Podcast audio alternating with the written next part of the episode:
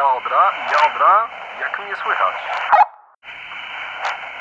Ja Wisła, ja Wisła. To zależy.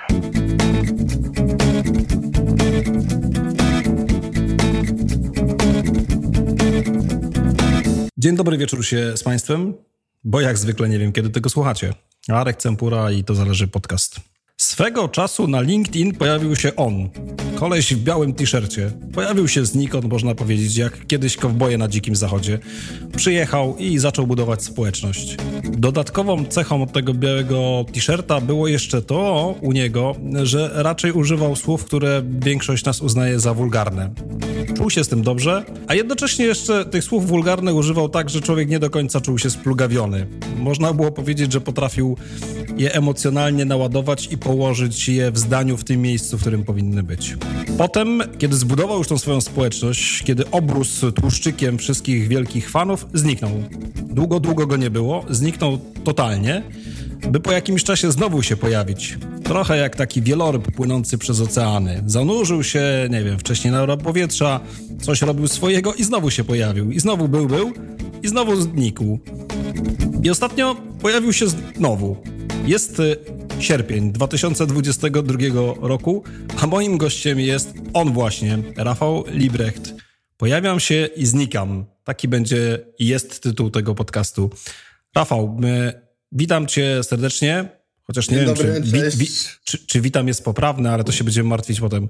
Co tam u ciebie słychać? A wiesz co, my się widzimy akurat, mimo że nagrywane będzie tylko nasza rozmowa. Jak widzisz, żyję i mam się dobrze. W zasadzie wszystko jest ok.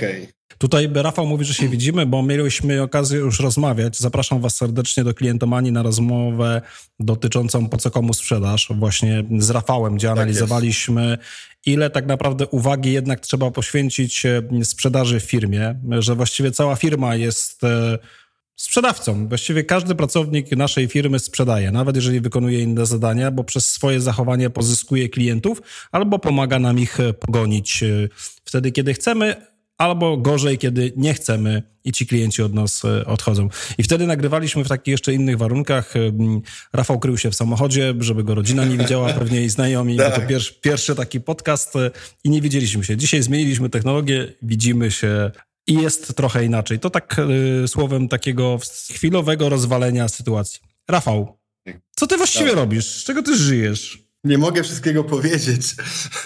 Dobra, Ale- ja, rozumiem, że im mniej wiemy, tym krócej będą nas przesłuchiwali. Tak jest, dokładnie. No wiesz co, no ja zawodowo zajmuję się doradztwem i mam takie małe zajęcie, które e, mieni się e, wykończeniem wnętrz. Generalnie to jest związane właśnie ze z moim zniknięciem trzy lata temu i zmianą koncepcji na siebie. Myślę, że dojdziemy do tego w trakcie naszej rozmowy. No okej, dobra, czyli tak, normalnie jesteś doradcą biznesowym. Za chwilę pewnie wyciągniemy z ciebie, w czym się specjalizujesz. Porozmawiamy sobie też o, o, o doradzaniu jako takim biznesowym. A powiedz z tym wykończeniem wnętrz, bo ja rozumiem, że wykończenie wnętrz ma dosyć jedną fajną cechę. Widać potem efekt i widać albo radość, albo smutek odbierającego to wykończenie. To jest coś jednak, coś co, coś co, co robisz i takie jednak przynosi jakąś satysfakcję, tak? Zrobiłeś, zostaje po tobie ślad.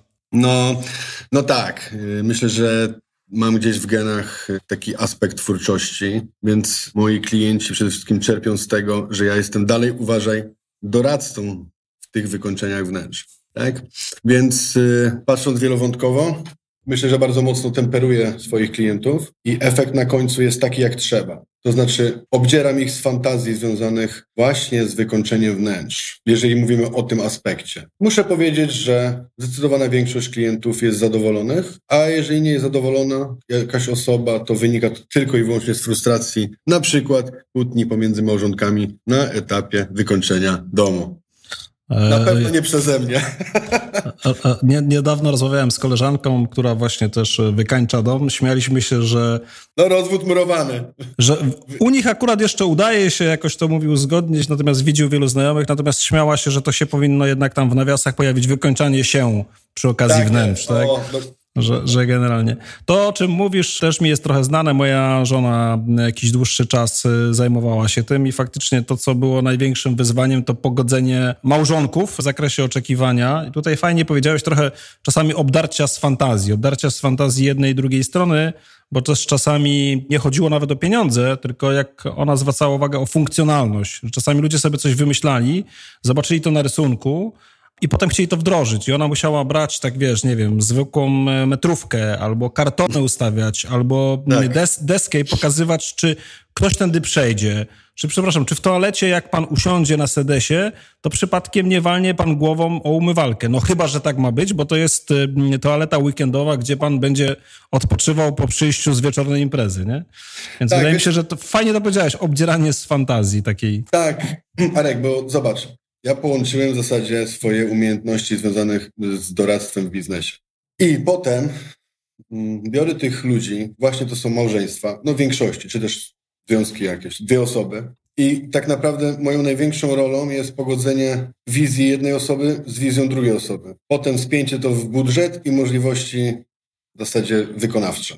I to jest dokładnie to samo, co robię w biznesie. Czasem muszę pogodzić klienta firmą, czasem pogodzić wizję dwóch wspólników lub większej ilości, albo pracowników i właścicieli. Więc bardzo, bardzo fajnie mi się to spina. No na ogół na końcu jest oczywiście efekt fizyczny mojej pracy tu przy wykończeniach wnętrz. Coś, co zostaje, coś, co widać. Słuchaj, teraz e, powiedziałeś, że to jakby element dotyczący wykończenia wnętrz e, i tego do, doradztwa się łączy. Ja rozumiem, łączy się tym po pierwsze połączeniem ludzi, którzy są w związku, tak, w tej firmie tak. i trochę tak czasami obdarciem ich z fantazji, tak? A teraz powiedz mi jedną rzecz, czy z doradcą trochę nie jest tak, no bo tu w wykończeniu wnętrz zostawiasz po sobie efekt końcowy, jakiś trwały ślad, a w doradzaniu to nie jest trochę tak, że ty tam wchodzisz, mieszasz, gadasz, potem wychodzisz i właściwie to oni sami sobie mają zrobić, więc to jest pierwsza rzecz. A druga, czy doradca to nie jest taki ja bym to nazwał tak trochę może brutalnie złodziej w białych rękawiczkach. No bo ty przychodzisz do jednej firmy, coś tam im zrobiłeś, coś ci się sprawdziło i ty za chwilę z tym pomysłem idziesz do drugiej firmy. Ty jako doradca, jakikolwiek, tak? Czy to nie jest tak. trochę takie, taki doradca nie jest takim wirusem? Może i być, ale czemu, czemu ma nie być? No bo zobacz, buduje swoje doświadczenie tylko i wyłącznie na tym, co przeżyje u swoich klientów. Jeżeli efekt jest imponujący, pozytywny, działający, to czemu ja bym tego nie przenieść do firmy następnej? Z tym, że tutaj zapytałeś, czy to czasem może do konkurencji, to powiem Ci, że no mam takie moralne zasady i nigdy nie pracowałem dla podmiotów tej samej, wręcz identycznej branży, czy też działających w tym samym obszarze. Jeżeli mi się zdarzało, a prowadziłem sporo kancelarii prawniczych, nazwijmy to, prowadziłem za rękę przy zmianach biznesowych, to były to zupełnie inne regiony działania i moja analiza najpierw była poprzedzona tym, czy nie będzie tu sprzeczności interesów. Ale same, same wirusowanie wydaje mi się, że jest, jest bardzo dobrym podejściem i rozwiązaniem. No bo z drugiej strony, przychodząc do jednego klienta, on się pyta, czy to gdzieś zadziałało. No nie powiem, nie powiem mu, czy konkretnie u tej, o tej, u tej, o tej firmie, ale mogę powiedzieć, że tak, bo Wiesz, jak mówię, to mówię, a jak mówię, to wiem. Jak nie wiem, to nie mówię. Najpierw się dowiaduję. Więc odpowiadając krótko więcej na, ten, na to pytanie i dokładając jeszcze ten aspekt, czy nie wchodzimy jako doradcy i nie zostawiamy potem tych firm z problemami do rozwiązania samemu, no to się nie mogę zgodzić. No bo teraz patrz uważnie. To oczywiście zależy, kto czym się konkretnie zajmuje, w czym się specjalizuje. No ja, jak wiesz, wyciągam firmy z problemów. Dosłownie. Jest sobie firemka, ma problem X, Y, Z i nie jest świadoma tego, że na końcu właściciel jest źródłem, przyczyną i skutkiem. Tak? Więc ja nie jestem tylko doradcą. Myślę, że w dużej mierze jestem gdzieś tam też tym coachem takim, który prowadzi potem tego przedsiębiorcę za rękę, gdzieś tam z przepaści, żeby on zrozumiał, jaką ma postępować, żeby do tej przepaści nie wpaść next time. I moją rolą nie jest później zostanie w tej firmie. Oczywiście są takie i były takie projekty, gdzie ustaliliśmy również success fee. Ja wchodziłem w struktury firmy i wtedy zajmowałem się tym kompleksowo, jaki taki, nazwijmy to nadzorca tego, strategii, którą przybraliśmy. Takie projekty też były. Myślę, że opowiem o, o takim, jakimś takim większym, który zresztą był takim gwoździem do trumny tego, że ja muszę odpocząć i zniknąć. Tylko ja działam troszeczkę inaczej. Nie uzależniam przedsiębiorstwa czy też właściciela od siebie. Ok? Mhm. Dlatego, że ja daję mu narzędzia, którymi on ma dysponować. Ja mu nie daję rybki, tylko daję mu wędkę. Ja nie jestem potrzebny do tego łowienia. Jeżeli on zrozumie schemat i zmieni ten schemat, w którym działa na, na dzień dzisiejszy, czyli w tej, ja to mówię, w zasranej rzeczywistości, która go otacza, no to ja nie jestem mu potrzebny. Wręcz przeciwnie, ja mógłbym przeszkadzać. Dlatego, że on musi potem odczuć na własnej skórze, czy on sobie radzi. Z tym, że faktycznie klienci, myślę, że 90% tych klientów, których obsługiwałem, jednak później robiła ze mną rewizję, czyli sprawdzaliśmy, co działa, co nie działa, z czym on sobie radzi, z czym nie. No i gdzieś tam się cofaliśmy, no bo strategia, jak wiesz, nie polega na tym, że coś wymyślisz i to jest, wiesz, to będzie super działać. No póki nie sprawdzisz, bo kontekst jest zawsze inny, no to nie możesz stwierdzić, czy to jest stuprocentowe rozwiązanie. Zresztą takich nie ma. I potem się cofamy i oni się gdzieś tam na, na krótką chwilę mnie doradzają, ale już potem przy po prostu zmianie kierunków. To ja powiem ci tak, bo dla, dlaczego zaczą, zacząłem nawiązywać do tych wirusów? No bo z jednej strony ty wchodzisz, trochę przenosisz e, jako wirus, sam się zmieniasz, no bo zakładam, że jak wchodzisz w tą daną organizację, to ona też wpływa na ciebie, bo ty jakby starasz Jestem się przejąć. Roli. Tak, z drugiej strony ty zmieniasz ją, tak, bo ona albo będzie odporniejsza, albo w wyniku twojego działania umrze świadomie, albo mniej tak świadomie. Więc to tak się może zdarzyć. Teraz to, co powiedziałeś, że byłeś w projekcie, który na ciebie wpłynął i musiałeś odpocząć, ja trochę widzę czasami doradcę jako taki katalizator w takiej reakcji, tak? Czyli jesteś potrzebny do tego, żeby proces zaistniał, ale potem, kiedy ten proces już następuje, wyprodukowanie tego, co chciałeś, to już właściwie jesteś niepotrzebny, tak? Pytanie teraz to, co, jak to się odbija na tobie, na katalizatorze. Natomiast powiedziałeś fajną rzecz i myślę, że ona powinna być taką... E, u wszystkich doradców, czyli taka weryfikacja, czyli umawiamy się na coś, czy to jest strategia, czy to jest taktyka, czy to jest w ogóle pomysł na coś, że coś robimy i właśnie robimy sobie punkt kontrolny, czyli ty mówisz, ok, za dwa lata się spotkajmy, macie to już w tej mojej umowie i przedyskutujmy, gdzie poszliście, pokażcie mi, co się wydarzyło, a ja wam powiem po prostu, czy bardzo zeszliście z tej trasy, którą sobie wyznaczyliście, czy może tylko trochę, albo może dobrze, że zeszliście z tej trasy, bo na przykład wiesz, no moim zdaniem dzisiaj trudno ustawiać nawet strategię trzyletnią, tak? No bo, to jest tak naprawdę definiujemy sobie strategię, bo ona nam mówi, gdzie powinniśmy być za trzy lata, no ale tak naprawdę po drodze jakby robimy sobie elementy mm, e, jakby takie jakieś taktyczne. To zależy. Rozmowy o rzeczach ważnych i ważniejszych. Ten twój fantastyczny projekt, y, po którym musiałeś odpocząć, co tam narozrabiałeś? To jakieś, nie wiem... Ale nie, ale nie byłeś w Albanii. Do Albanii nie jechałeś. Nie, ja nie narozrabiałem. To właściciel, to właściciel narozrabiał. Okej. Okay. Ale wiesz co, tylko że tak jak napisałem, powiedziałem ci, że to był gwóźdź do trumny.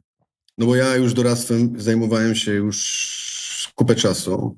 Ja wchodziłem naprawdę w takie, w takie kurwa gówna. Znaczy, mnie brali do główien, do sprzątania gówna, dosłownie.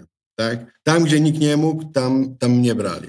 Więc jak, jak to przyszedł, ten projekt był długofalowy, w zasadzie nie miał terminu końca i chodziło o to, aby firma spłaciła określoną kwotę pieniędzy, czyli zdołapała cash flow, a zatrudniała około 50 osób, mogła realizować projekty, w której jest w zasadzie powiedziałbym uwikłana, no bo przeżarli zaliczki bo to nie było za co produkować, kupę długów, ale też był plan, na jak długo oni muszą wytrzymać. Bowiem wprost chodziło o 2,5 roku. Mm.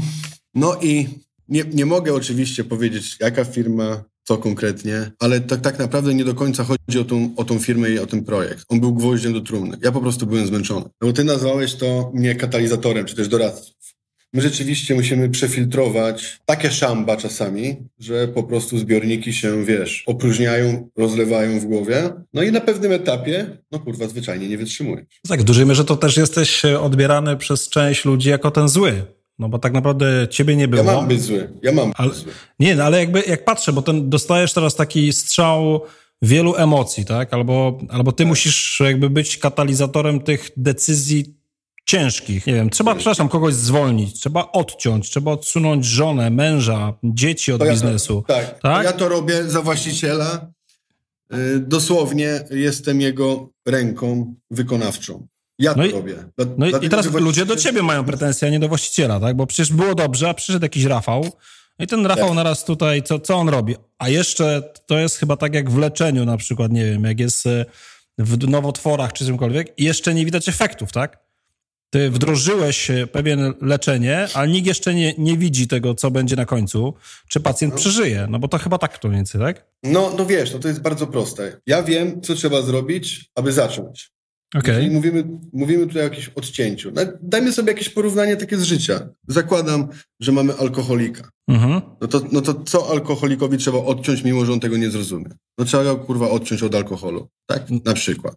No i to łatwe nie jest. No to zupełnie nie jest łatwe. Ale jeżeli znasz schematy, znasz y, terapię, no to jesteś w stanie zastosować odpowiednie narzędzia. Z tym, że nie możesz tego zrobić za tego alkoholika, on musi zrobić to sam. Ale już jeżeli on nie ma siły odstawić tego alkoholu, nie wiem, wyrzucić butelki z domu, etc., no to bierze takiego Rafała, który idzie to sprząta. Żeby on nie musiał się tym zajmować, bo on nie jest zwyczajnie w stanie. Tak? I weźmy takiego właściciela, który zatrudnia 50 osób. Okazuje się po krótkiej analizie takiej trzydniowej, bo ja zawsze zaczynam od pracy z właścicielem biznesu, że tam kurwa połowa ludzi to jest niepotrzebna. No i co teraz uważasz, że powinien zrobić właściciel? No on jest uwiązany emocjonalnie z tymi ludźmi. On nie chce ich zwolnić. On traktuje firmę jak rodzinę, a jednocześnie ma 5 milionów długu. Tak? Jako przykład taki bardzo prosty. To nie są jeszcze wielkie, wielkie problemy. 5 Dobra, czy, czy tak naprawdę tutaj empatia właściciela równa się eutanazja firmy? Dokładnie tak.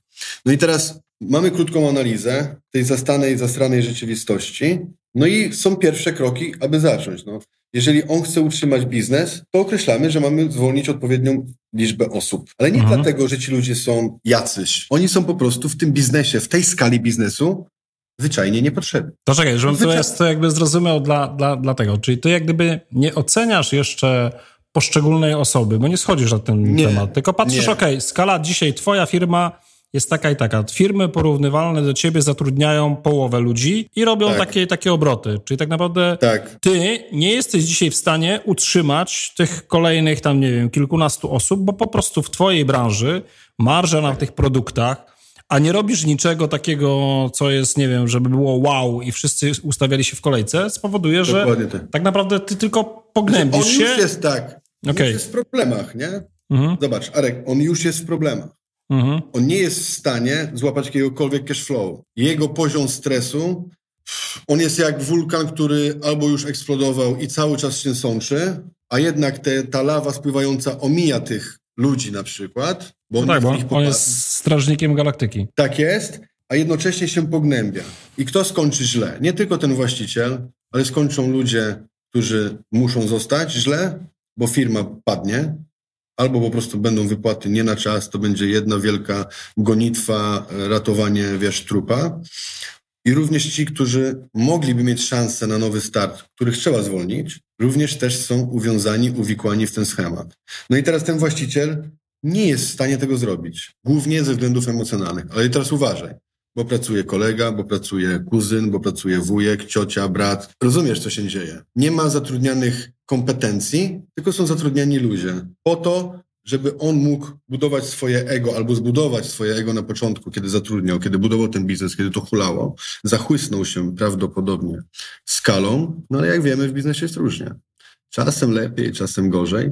Strategicznie trzeba być przygotowanym na to, aby przetrwać również te trudne okresy. No więc tak, yy, nie oceniam ludzi absolutnie, a oceniam kompetencje ludzi i wybieram to, co jest najważniejsze, just in time w danym biznesie.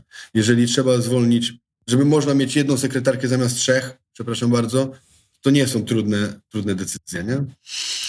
No to są, to są, wiesz, to są tej skali problemy, tak? No bo jeżeli mamy biznes, który opierał się na przykład, był, strzelam, taki sobie przykład wezmę ze swojego, ze swojego doradztwa, biznes budowany dla obsługi, czyli mm, zatrudniali obcokrajowców, wynajmowali ich, tak, czyli outsourcing i było 4 tysięcy, 4, no 4 tysiące osób. Mhm, w bazie. To ty, tak, i te 4 tysiące osób y, obsługiwało, no strzelmy 10 project managerów. bo oni byli rozsyłani po dużych zakładach pracy. Mhm. Czyli to byli tak zwani koordynatorzy. Gdy firma wpadła w terapaty, zostało 400 osób. Ale teraz uważaj, project managerów kurwa dalej jest 10. Mhm. A przecież, a przecież, a przecież przedtem 400 obsługiwał jeden. Mhm. Tak? No i okej, jakby zaczyna się debata. Oni budowali ze mną tą firmę. Oni stworzyli ze mną ten biznes. Ale też kurwa oni pognębili cię. Rozumiesz? No i teraz właściciel jest w potrzasku. On po prostu nie jest w stanie, on nie widzi. On dalej często widzi opcję, w której on za chwilę zdobędzie z powrotem rynek, zatrudni znowuż kilkaset, kilka tysięcy osób i żyje tymi marzeniami. To jest myślenie życzeniowe, no, które, no wiesz, zrównoważony rozwój, czy też powrót, powrót na szczyt, no musi być zrównoważony, czyli iść kaskadowo, a nie utrzymywać coś, co, co nie ma w ogóle racji bytu. No i wtedy niestety wchodzi Rafał i mówi, no sorry, ludzie, ale no chance. No i wtedy ja zwalniam tych ludzi. Ale ja racjonalizuję to. Ci nie, ci ludzie początkowo tylko odbierają mnie źle, no bo ja jestem te same zło. Ale potem się okazuje, że oni mi dziękują po, nie wiem, po dwóch tygodniach, po miesiącu, bo wyszli z bagna, bo sami byli uwikłani w firmę, w której źle się czuli, a też nie potrafili odejść, albo było im wygodnie. Także to, to wiesz, oczywiście są tacy, którzy zaczynają się, wiesz, straszaki typu a ja tu wiem wszystko o tej firmie i tak dalej. Okej, okay, kurwa, idź i mów. W ogóle na mnie to nie działa, na właściciela już by podziałało. Tak? Więc twardo negocjuję warunki wyjścia, ale są one uczciwe. Tak? Po prostu ci ludzie dostają to, co jest możliwe do osiągnięcia na daną chwilę w danym biznesie. No bo jeżeli właściciel kurwa nie ma tych pieniędzy, to z czego on mu dać ma trzy miesiące wypowiedzenia? No, no, no nie ma szans. No, no tak, dzi dzi dzisiaj mu nie da, on się może z nim jakoś umówić, no to jest tak, ale no, dzisiaj no, nie. No, no tak, ale wiesz, to są różne inne formy. Znamy y, ludzi z różnych biznesów, z różnych firm, często załatwiamy tym ludziom wręcz robotę, tak? Albo pomagamy w otworzeniu swojego biznesu. Także naprawdę tych rozwiązań jest sporo. Rafał, e, ile razy zdarzyło ci się w życiu, że wchodzisz do firmy, w której wszystko jest zajebiście, że właściciele w tym momencie cię potrzebują, bo wiedzą, że jest hossa, że w ogóle no po prostu kasa sypie się z każdego miejsca i oni myślą, że jednak e, warto się przygotować na te złe czasy, bo one nadejdą. Zdarzyły ci się takie projekty? Miałem tylko dwóch takich klientów. Jednego obsługuję do dzisiaj. Ludzie są... Nie, ludzie. No my jesteśmy, kurwa, takimi stworzeniami, że nie zastanawiamy się nad tym, co może się wydarzyć. Mhm. Tak? No bo zobacz, ludzie myślą, że strategia to jest tylko iść do przodu budować, rozwijać się, etc. No ale trochę trzeba cofnąć się, trochę podejść do takiego zwinnego zarządzania i zastanawiać się właśnie nad tym, kiedy i w którym momencie iść w lewo czy w prawo. Czyli w zależności od tego, jakie warunki nam się potoczyły wokół, jaki nastał kontekst naszego miejsca i mieć wybór, ale już świadomy, przeanalizowany, uważaj, w tych dobrych czasach.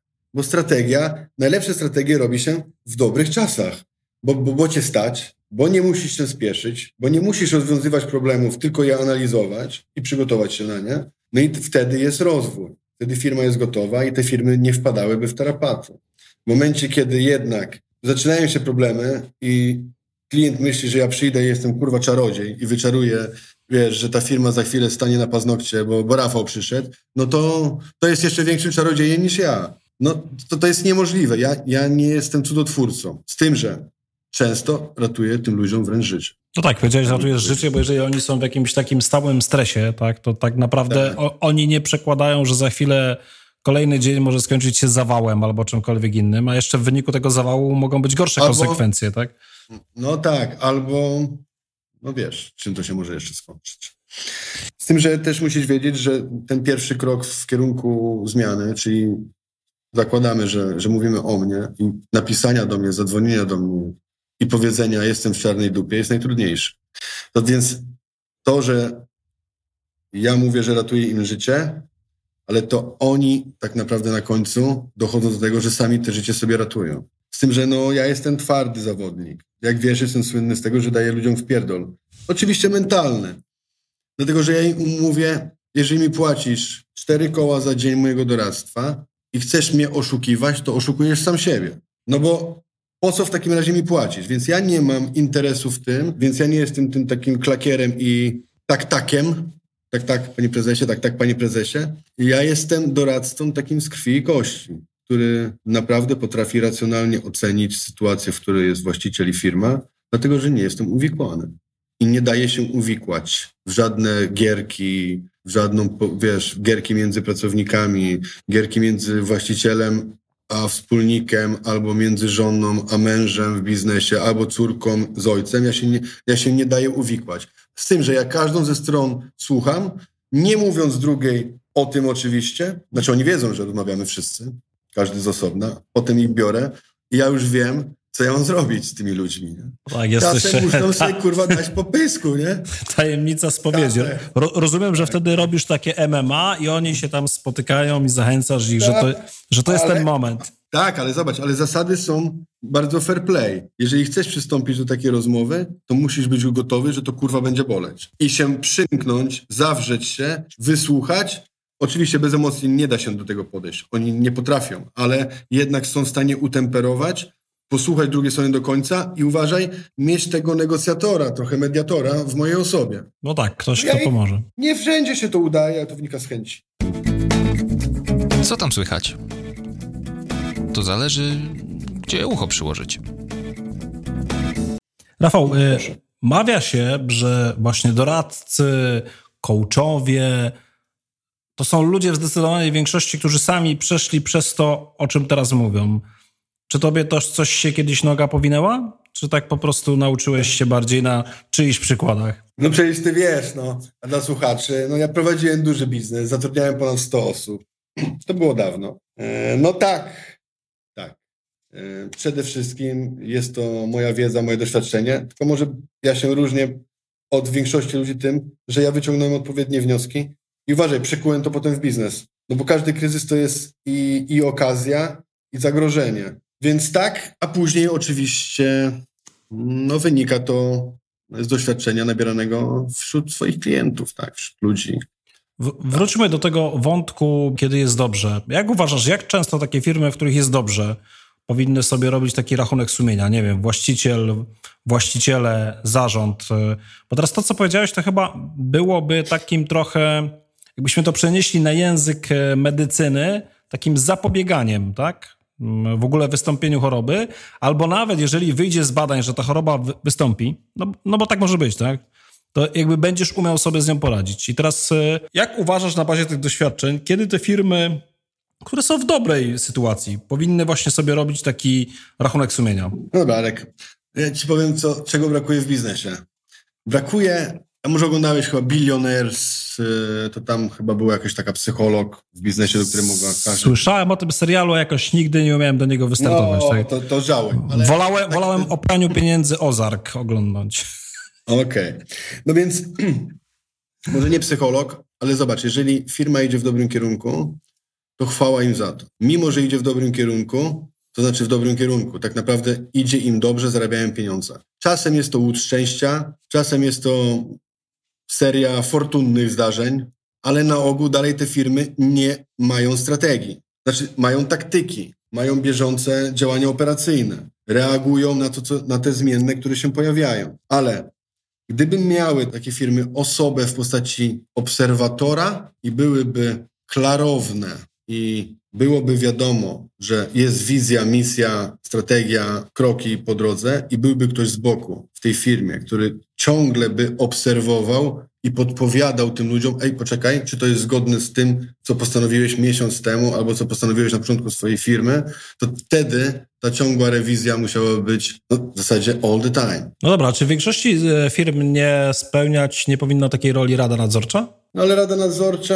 jest elementem, który bierze pieniądze i no to ale mówisz o, tu już o dużych instytucjach, tak? No dobra, ale nawet w małej instytucji możesz sobie przyjąć jednego, dwie osoby, oni są twoją radą nadzorczą, taką, takimi, Tak, znaczy takimi to zrobić z oczywiście. innego biznesu, przychodzą raz na jakiś czas do ciebie i rozmawiają i, I zada i zadają ci głupie pytania, bo się nie znają, tak? Tak, niewygodne pytanie, Mhm. na które trzeba sobie odpowiedzieć.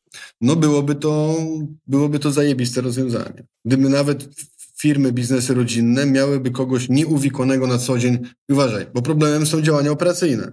Mhm. Ci ludzie, którym idzie ten biznes do przodu, są uwikłani cały czas, nie?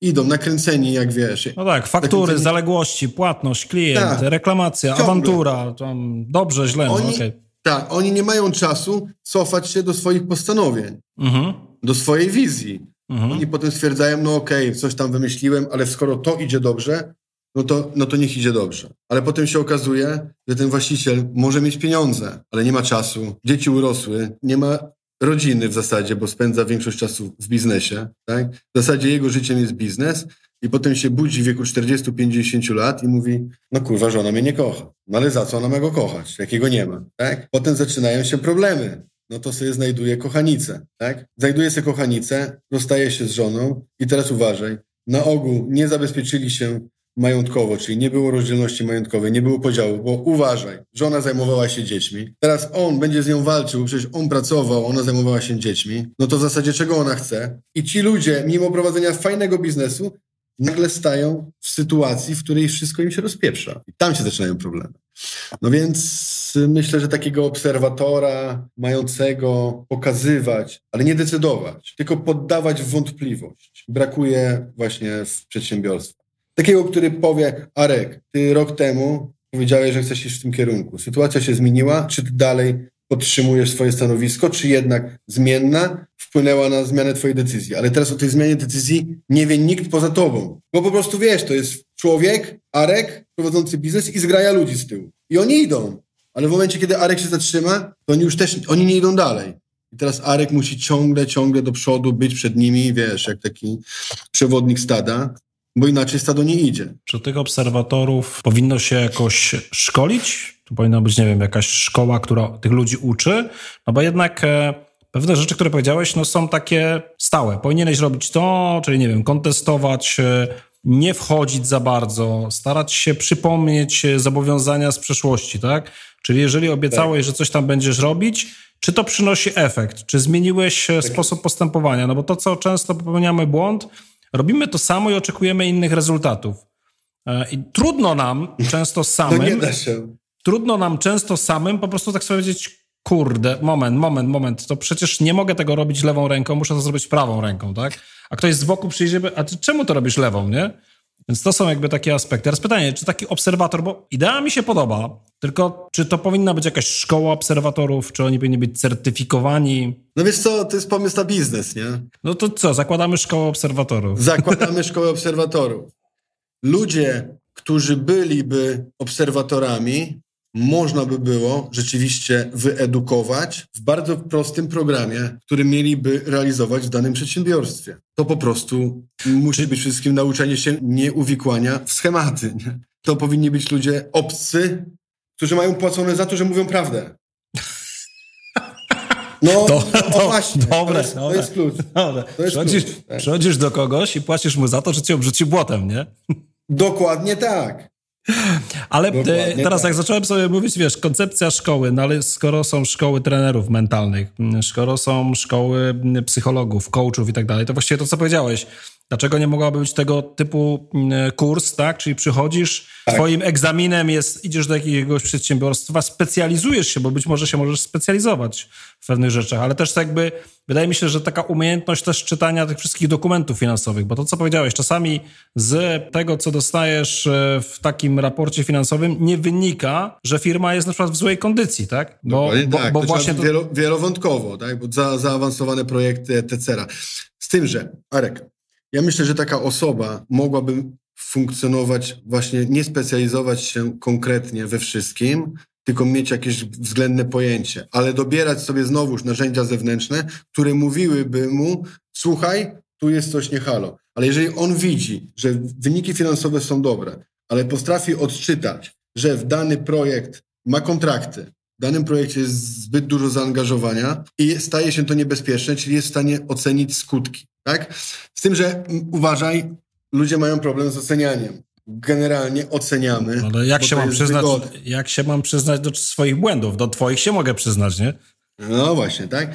Ale taki właściciel biznesu nie jest w stanie przyjąć oceny krytyki. To musi być rozmowa o tym, że to jest właśnie poddanie w wątpliwość, żeby on, ten właściciel, czy też zleceniodawca, był w stanie przeanalizować, bo to on podejmuje decyzję ostatecznie, ale jest w stanie, że tak powiem, pochylić się nad samym sobą i zastanowić się, czy kurwa, ty, ja tego nie zauważyłem, nie? Ale jednocześnie nie będąc ocenionym. Bo to nie jest ocena, to jest stwierdzenie jakichś tam faktów.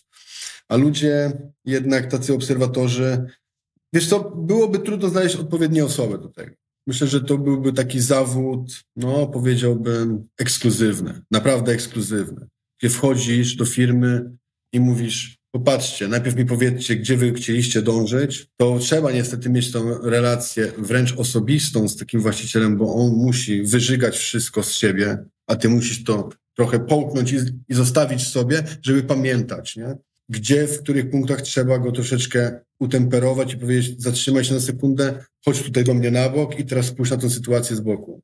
No więc yy, myślę, że, że ludzie, ci właściciele tych biznesów jednak nie są jeszcze, Polska, polski biznes nie jest na to gotowy, na takich ludzi. Dlatego, że to będą takie kurwy chodzące, rozumiesz? I tak będą oceniani, mimo że ich intencja będzie zgodna z kontraktem zawarta zawartym z, z właścicielem. I niestety ja w 2019 roku byłem właśnie taką osobą, która była zmęczona. Ja zniknąłem z dnia na dzień, dlatego że zawiał wiatr północy, a ja po prostu mentalnie na to czekałem. To znaczy, ja zauważyłem, że stałem się niewolnikiem swojego biznesu. Uwiązałem się i zależało mi bardziej niż im samym. Ja po prostu byłem ujebany i zmęczony w głowie. A że zawsze prowadziłem swoje doradztwo, nie uzależniając klientów od siebie, to sam nie byłem też uzależniony od nich. To znaczy, moja dewiza, pewnie słyszałeś, to jest być wolnym od czasu, miejsca i ludzi. Więc ja zawsze prowadziłem projekty doradcze tak, aby móc wyjść w cudzysłowie z dnia na dzień bez żadnych konsekwencji dla jednej i drugiej strony. I tak też uczyniłem. Po prostu kupiłem bilet do Norwegii i wyjechałem. Będziemy zbliżać się do lądowania. Ja mam takie pytanie. Zbliża się kryzys jednak, albo jesteśmy już tak. prawie w kryzysie gospodarczym. Co byś poradził ludziom? Będzie dużo roboty dla takich jak ty. Co wszyscy, czy powinni siedzieć i się martwić tym, że będzie kryzys, nie. czy powinni sobie usiąść i się właśnie zastanowić, nie wiem, co zatrzymać albo gdzie zainwestować? no powinni przede wszystkim się zatrzymać sami z sobą na chwilę, żeby się zastanowić, jak reagować na, na to, co, przy, co może przynieść rynek. Ale też zastanowić się nad tym, czego sami oczekują od swoich biznesów. Bo, bo wiesz, jeżeli ciągle ten, ten biznes idzie i nagle napompowane to jest jak bańka, no bo trzeba też sobie powiedzieć, tak jak było z koronawirusem. Biznesy wykorzystały to, że był koronawirus. Czyli wszelkie kurwa swoje zła, wszelkie błędne decyzje, wszelkie nie, nie strategie, bo tak to trzeba nazwać, tylko życie w chaosie, w biznesie, który, który jest chaosem, no przelali na, bo uważaj, no można było na coś zrzucić, tylko kurwa nie na siebie. Tak? To teraz zrzucą na co? Na kolejny kryzys, na wojnę w, w Ukrainie, tak? na konsekwencje wojny, na wysokie ceny, a to klient nie chce kupować. Zresztą będę pisał o tym artykuł do, znaczy napisałem ostatnio do, do szefa sprzedaży, teraz do asa sprzedaży, że nie, nie kupują. Wszystko można na coś zwalić. W momencie, kiedy oni dzisiaj powiedzieliby sobie i przeanalizowali, a może to ja jestem źródłem i przyczyną i skutkiem, znaczy nie może, ja ci powiem, że jesteś, to wtedy oni są w stanie uratować swój biznes, a może ochronić przed każdym kryzysem, przed każdym bo będą gotowi. Więc nie się zatrzymają na chwilę, póki jest im jeszcze dobrze. Szanowni Państwo, e, warto na chwilę usiąść, zrobić rachunek sumienia, zadać sobie parę pytań, czy te decyzje, które podjęliście jakiś czas temu są słuszne, czy dalej się trzymacie kierunku, który jest, a może trzeba zmienić drogę, żeby dotrzeć tam, gdzie chcecie, bo tak się mogły pojawić tutaj takie dodatkowe okoliczności. Wydaje mi się, że to, co Rafał powiedział, no nie szukajmy winnych, szukajmy przyczyn i szukajmy rozwiązań, bo chyba to będzie dosyć istotne. Rafał, e, dziękuję Ci za rozmowę. Może chcesz jakiś, nie wiem, optymistyczny, tam jakiś coś na koniec tutaj? Wiesz co, no, powiem ludziom, że nie ma sytuacji bez wyjścia. To, że mamy wyimaginowane myślenie yy, i perspektywę, że może się stać coś złego, to zadajmy sobie takie pytanie tak ciągle i ciągle. A co się takiego stanie? Co się takiego stało? I w, przy każdej odpowiedzi dodajmy kolejny raz te same pytanie. Na końcu się okaże, że tak naprawdę kurwa nic się nie stało i się nic nie może stać. Po prostu trzeba urealnić to, co mamy w głowie. Tego wam życzę. Dziękuję za rozmowę. Szanowni podcastosłuchacze, bardzo Wam dziękuję za wysłuchanie tej rozmowy. Zapraszam do słuchania innych odcinków To Zależy Podcasta. A Rafała możecie posłuchać e, w podcaście Klientomania. Poszukajcie na stronie klientomania.pl. Rozmawialiśmy o sprzedaży. Myślę, że te rzeczy, o których rozmawialiśmy są nadal ważne, bo w sprzedaży ważne jest to, aby sprawdzić, aby klient chciał kupić. Tak o tym jest. rozmawialiśmy się, co do tego się zgodziliśmy, także trzymam za was kciuki. Rafał, trzymam kciuki za ciebie, będę cię obserwował. Dziękuję. Może któregoś dnia jeszcze będziemy mieli okazję do rozmowy. Pozdrawiam. Super. Dzięki. A gdzie możecie nas znaleźć? To zależy. Ale głównie online. W zasadzie tylko online. W każdym razie nowe odcinki niebawem. To pa.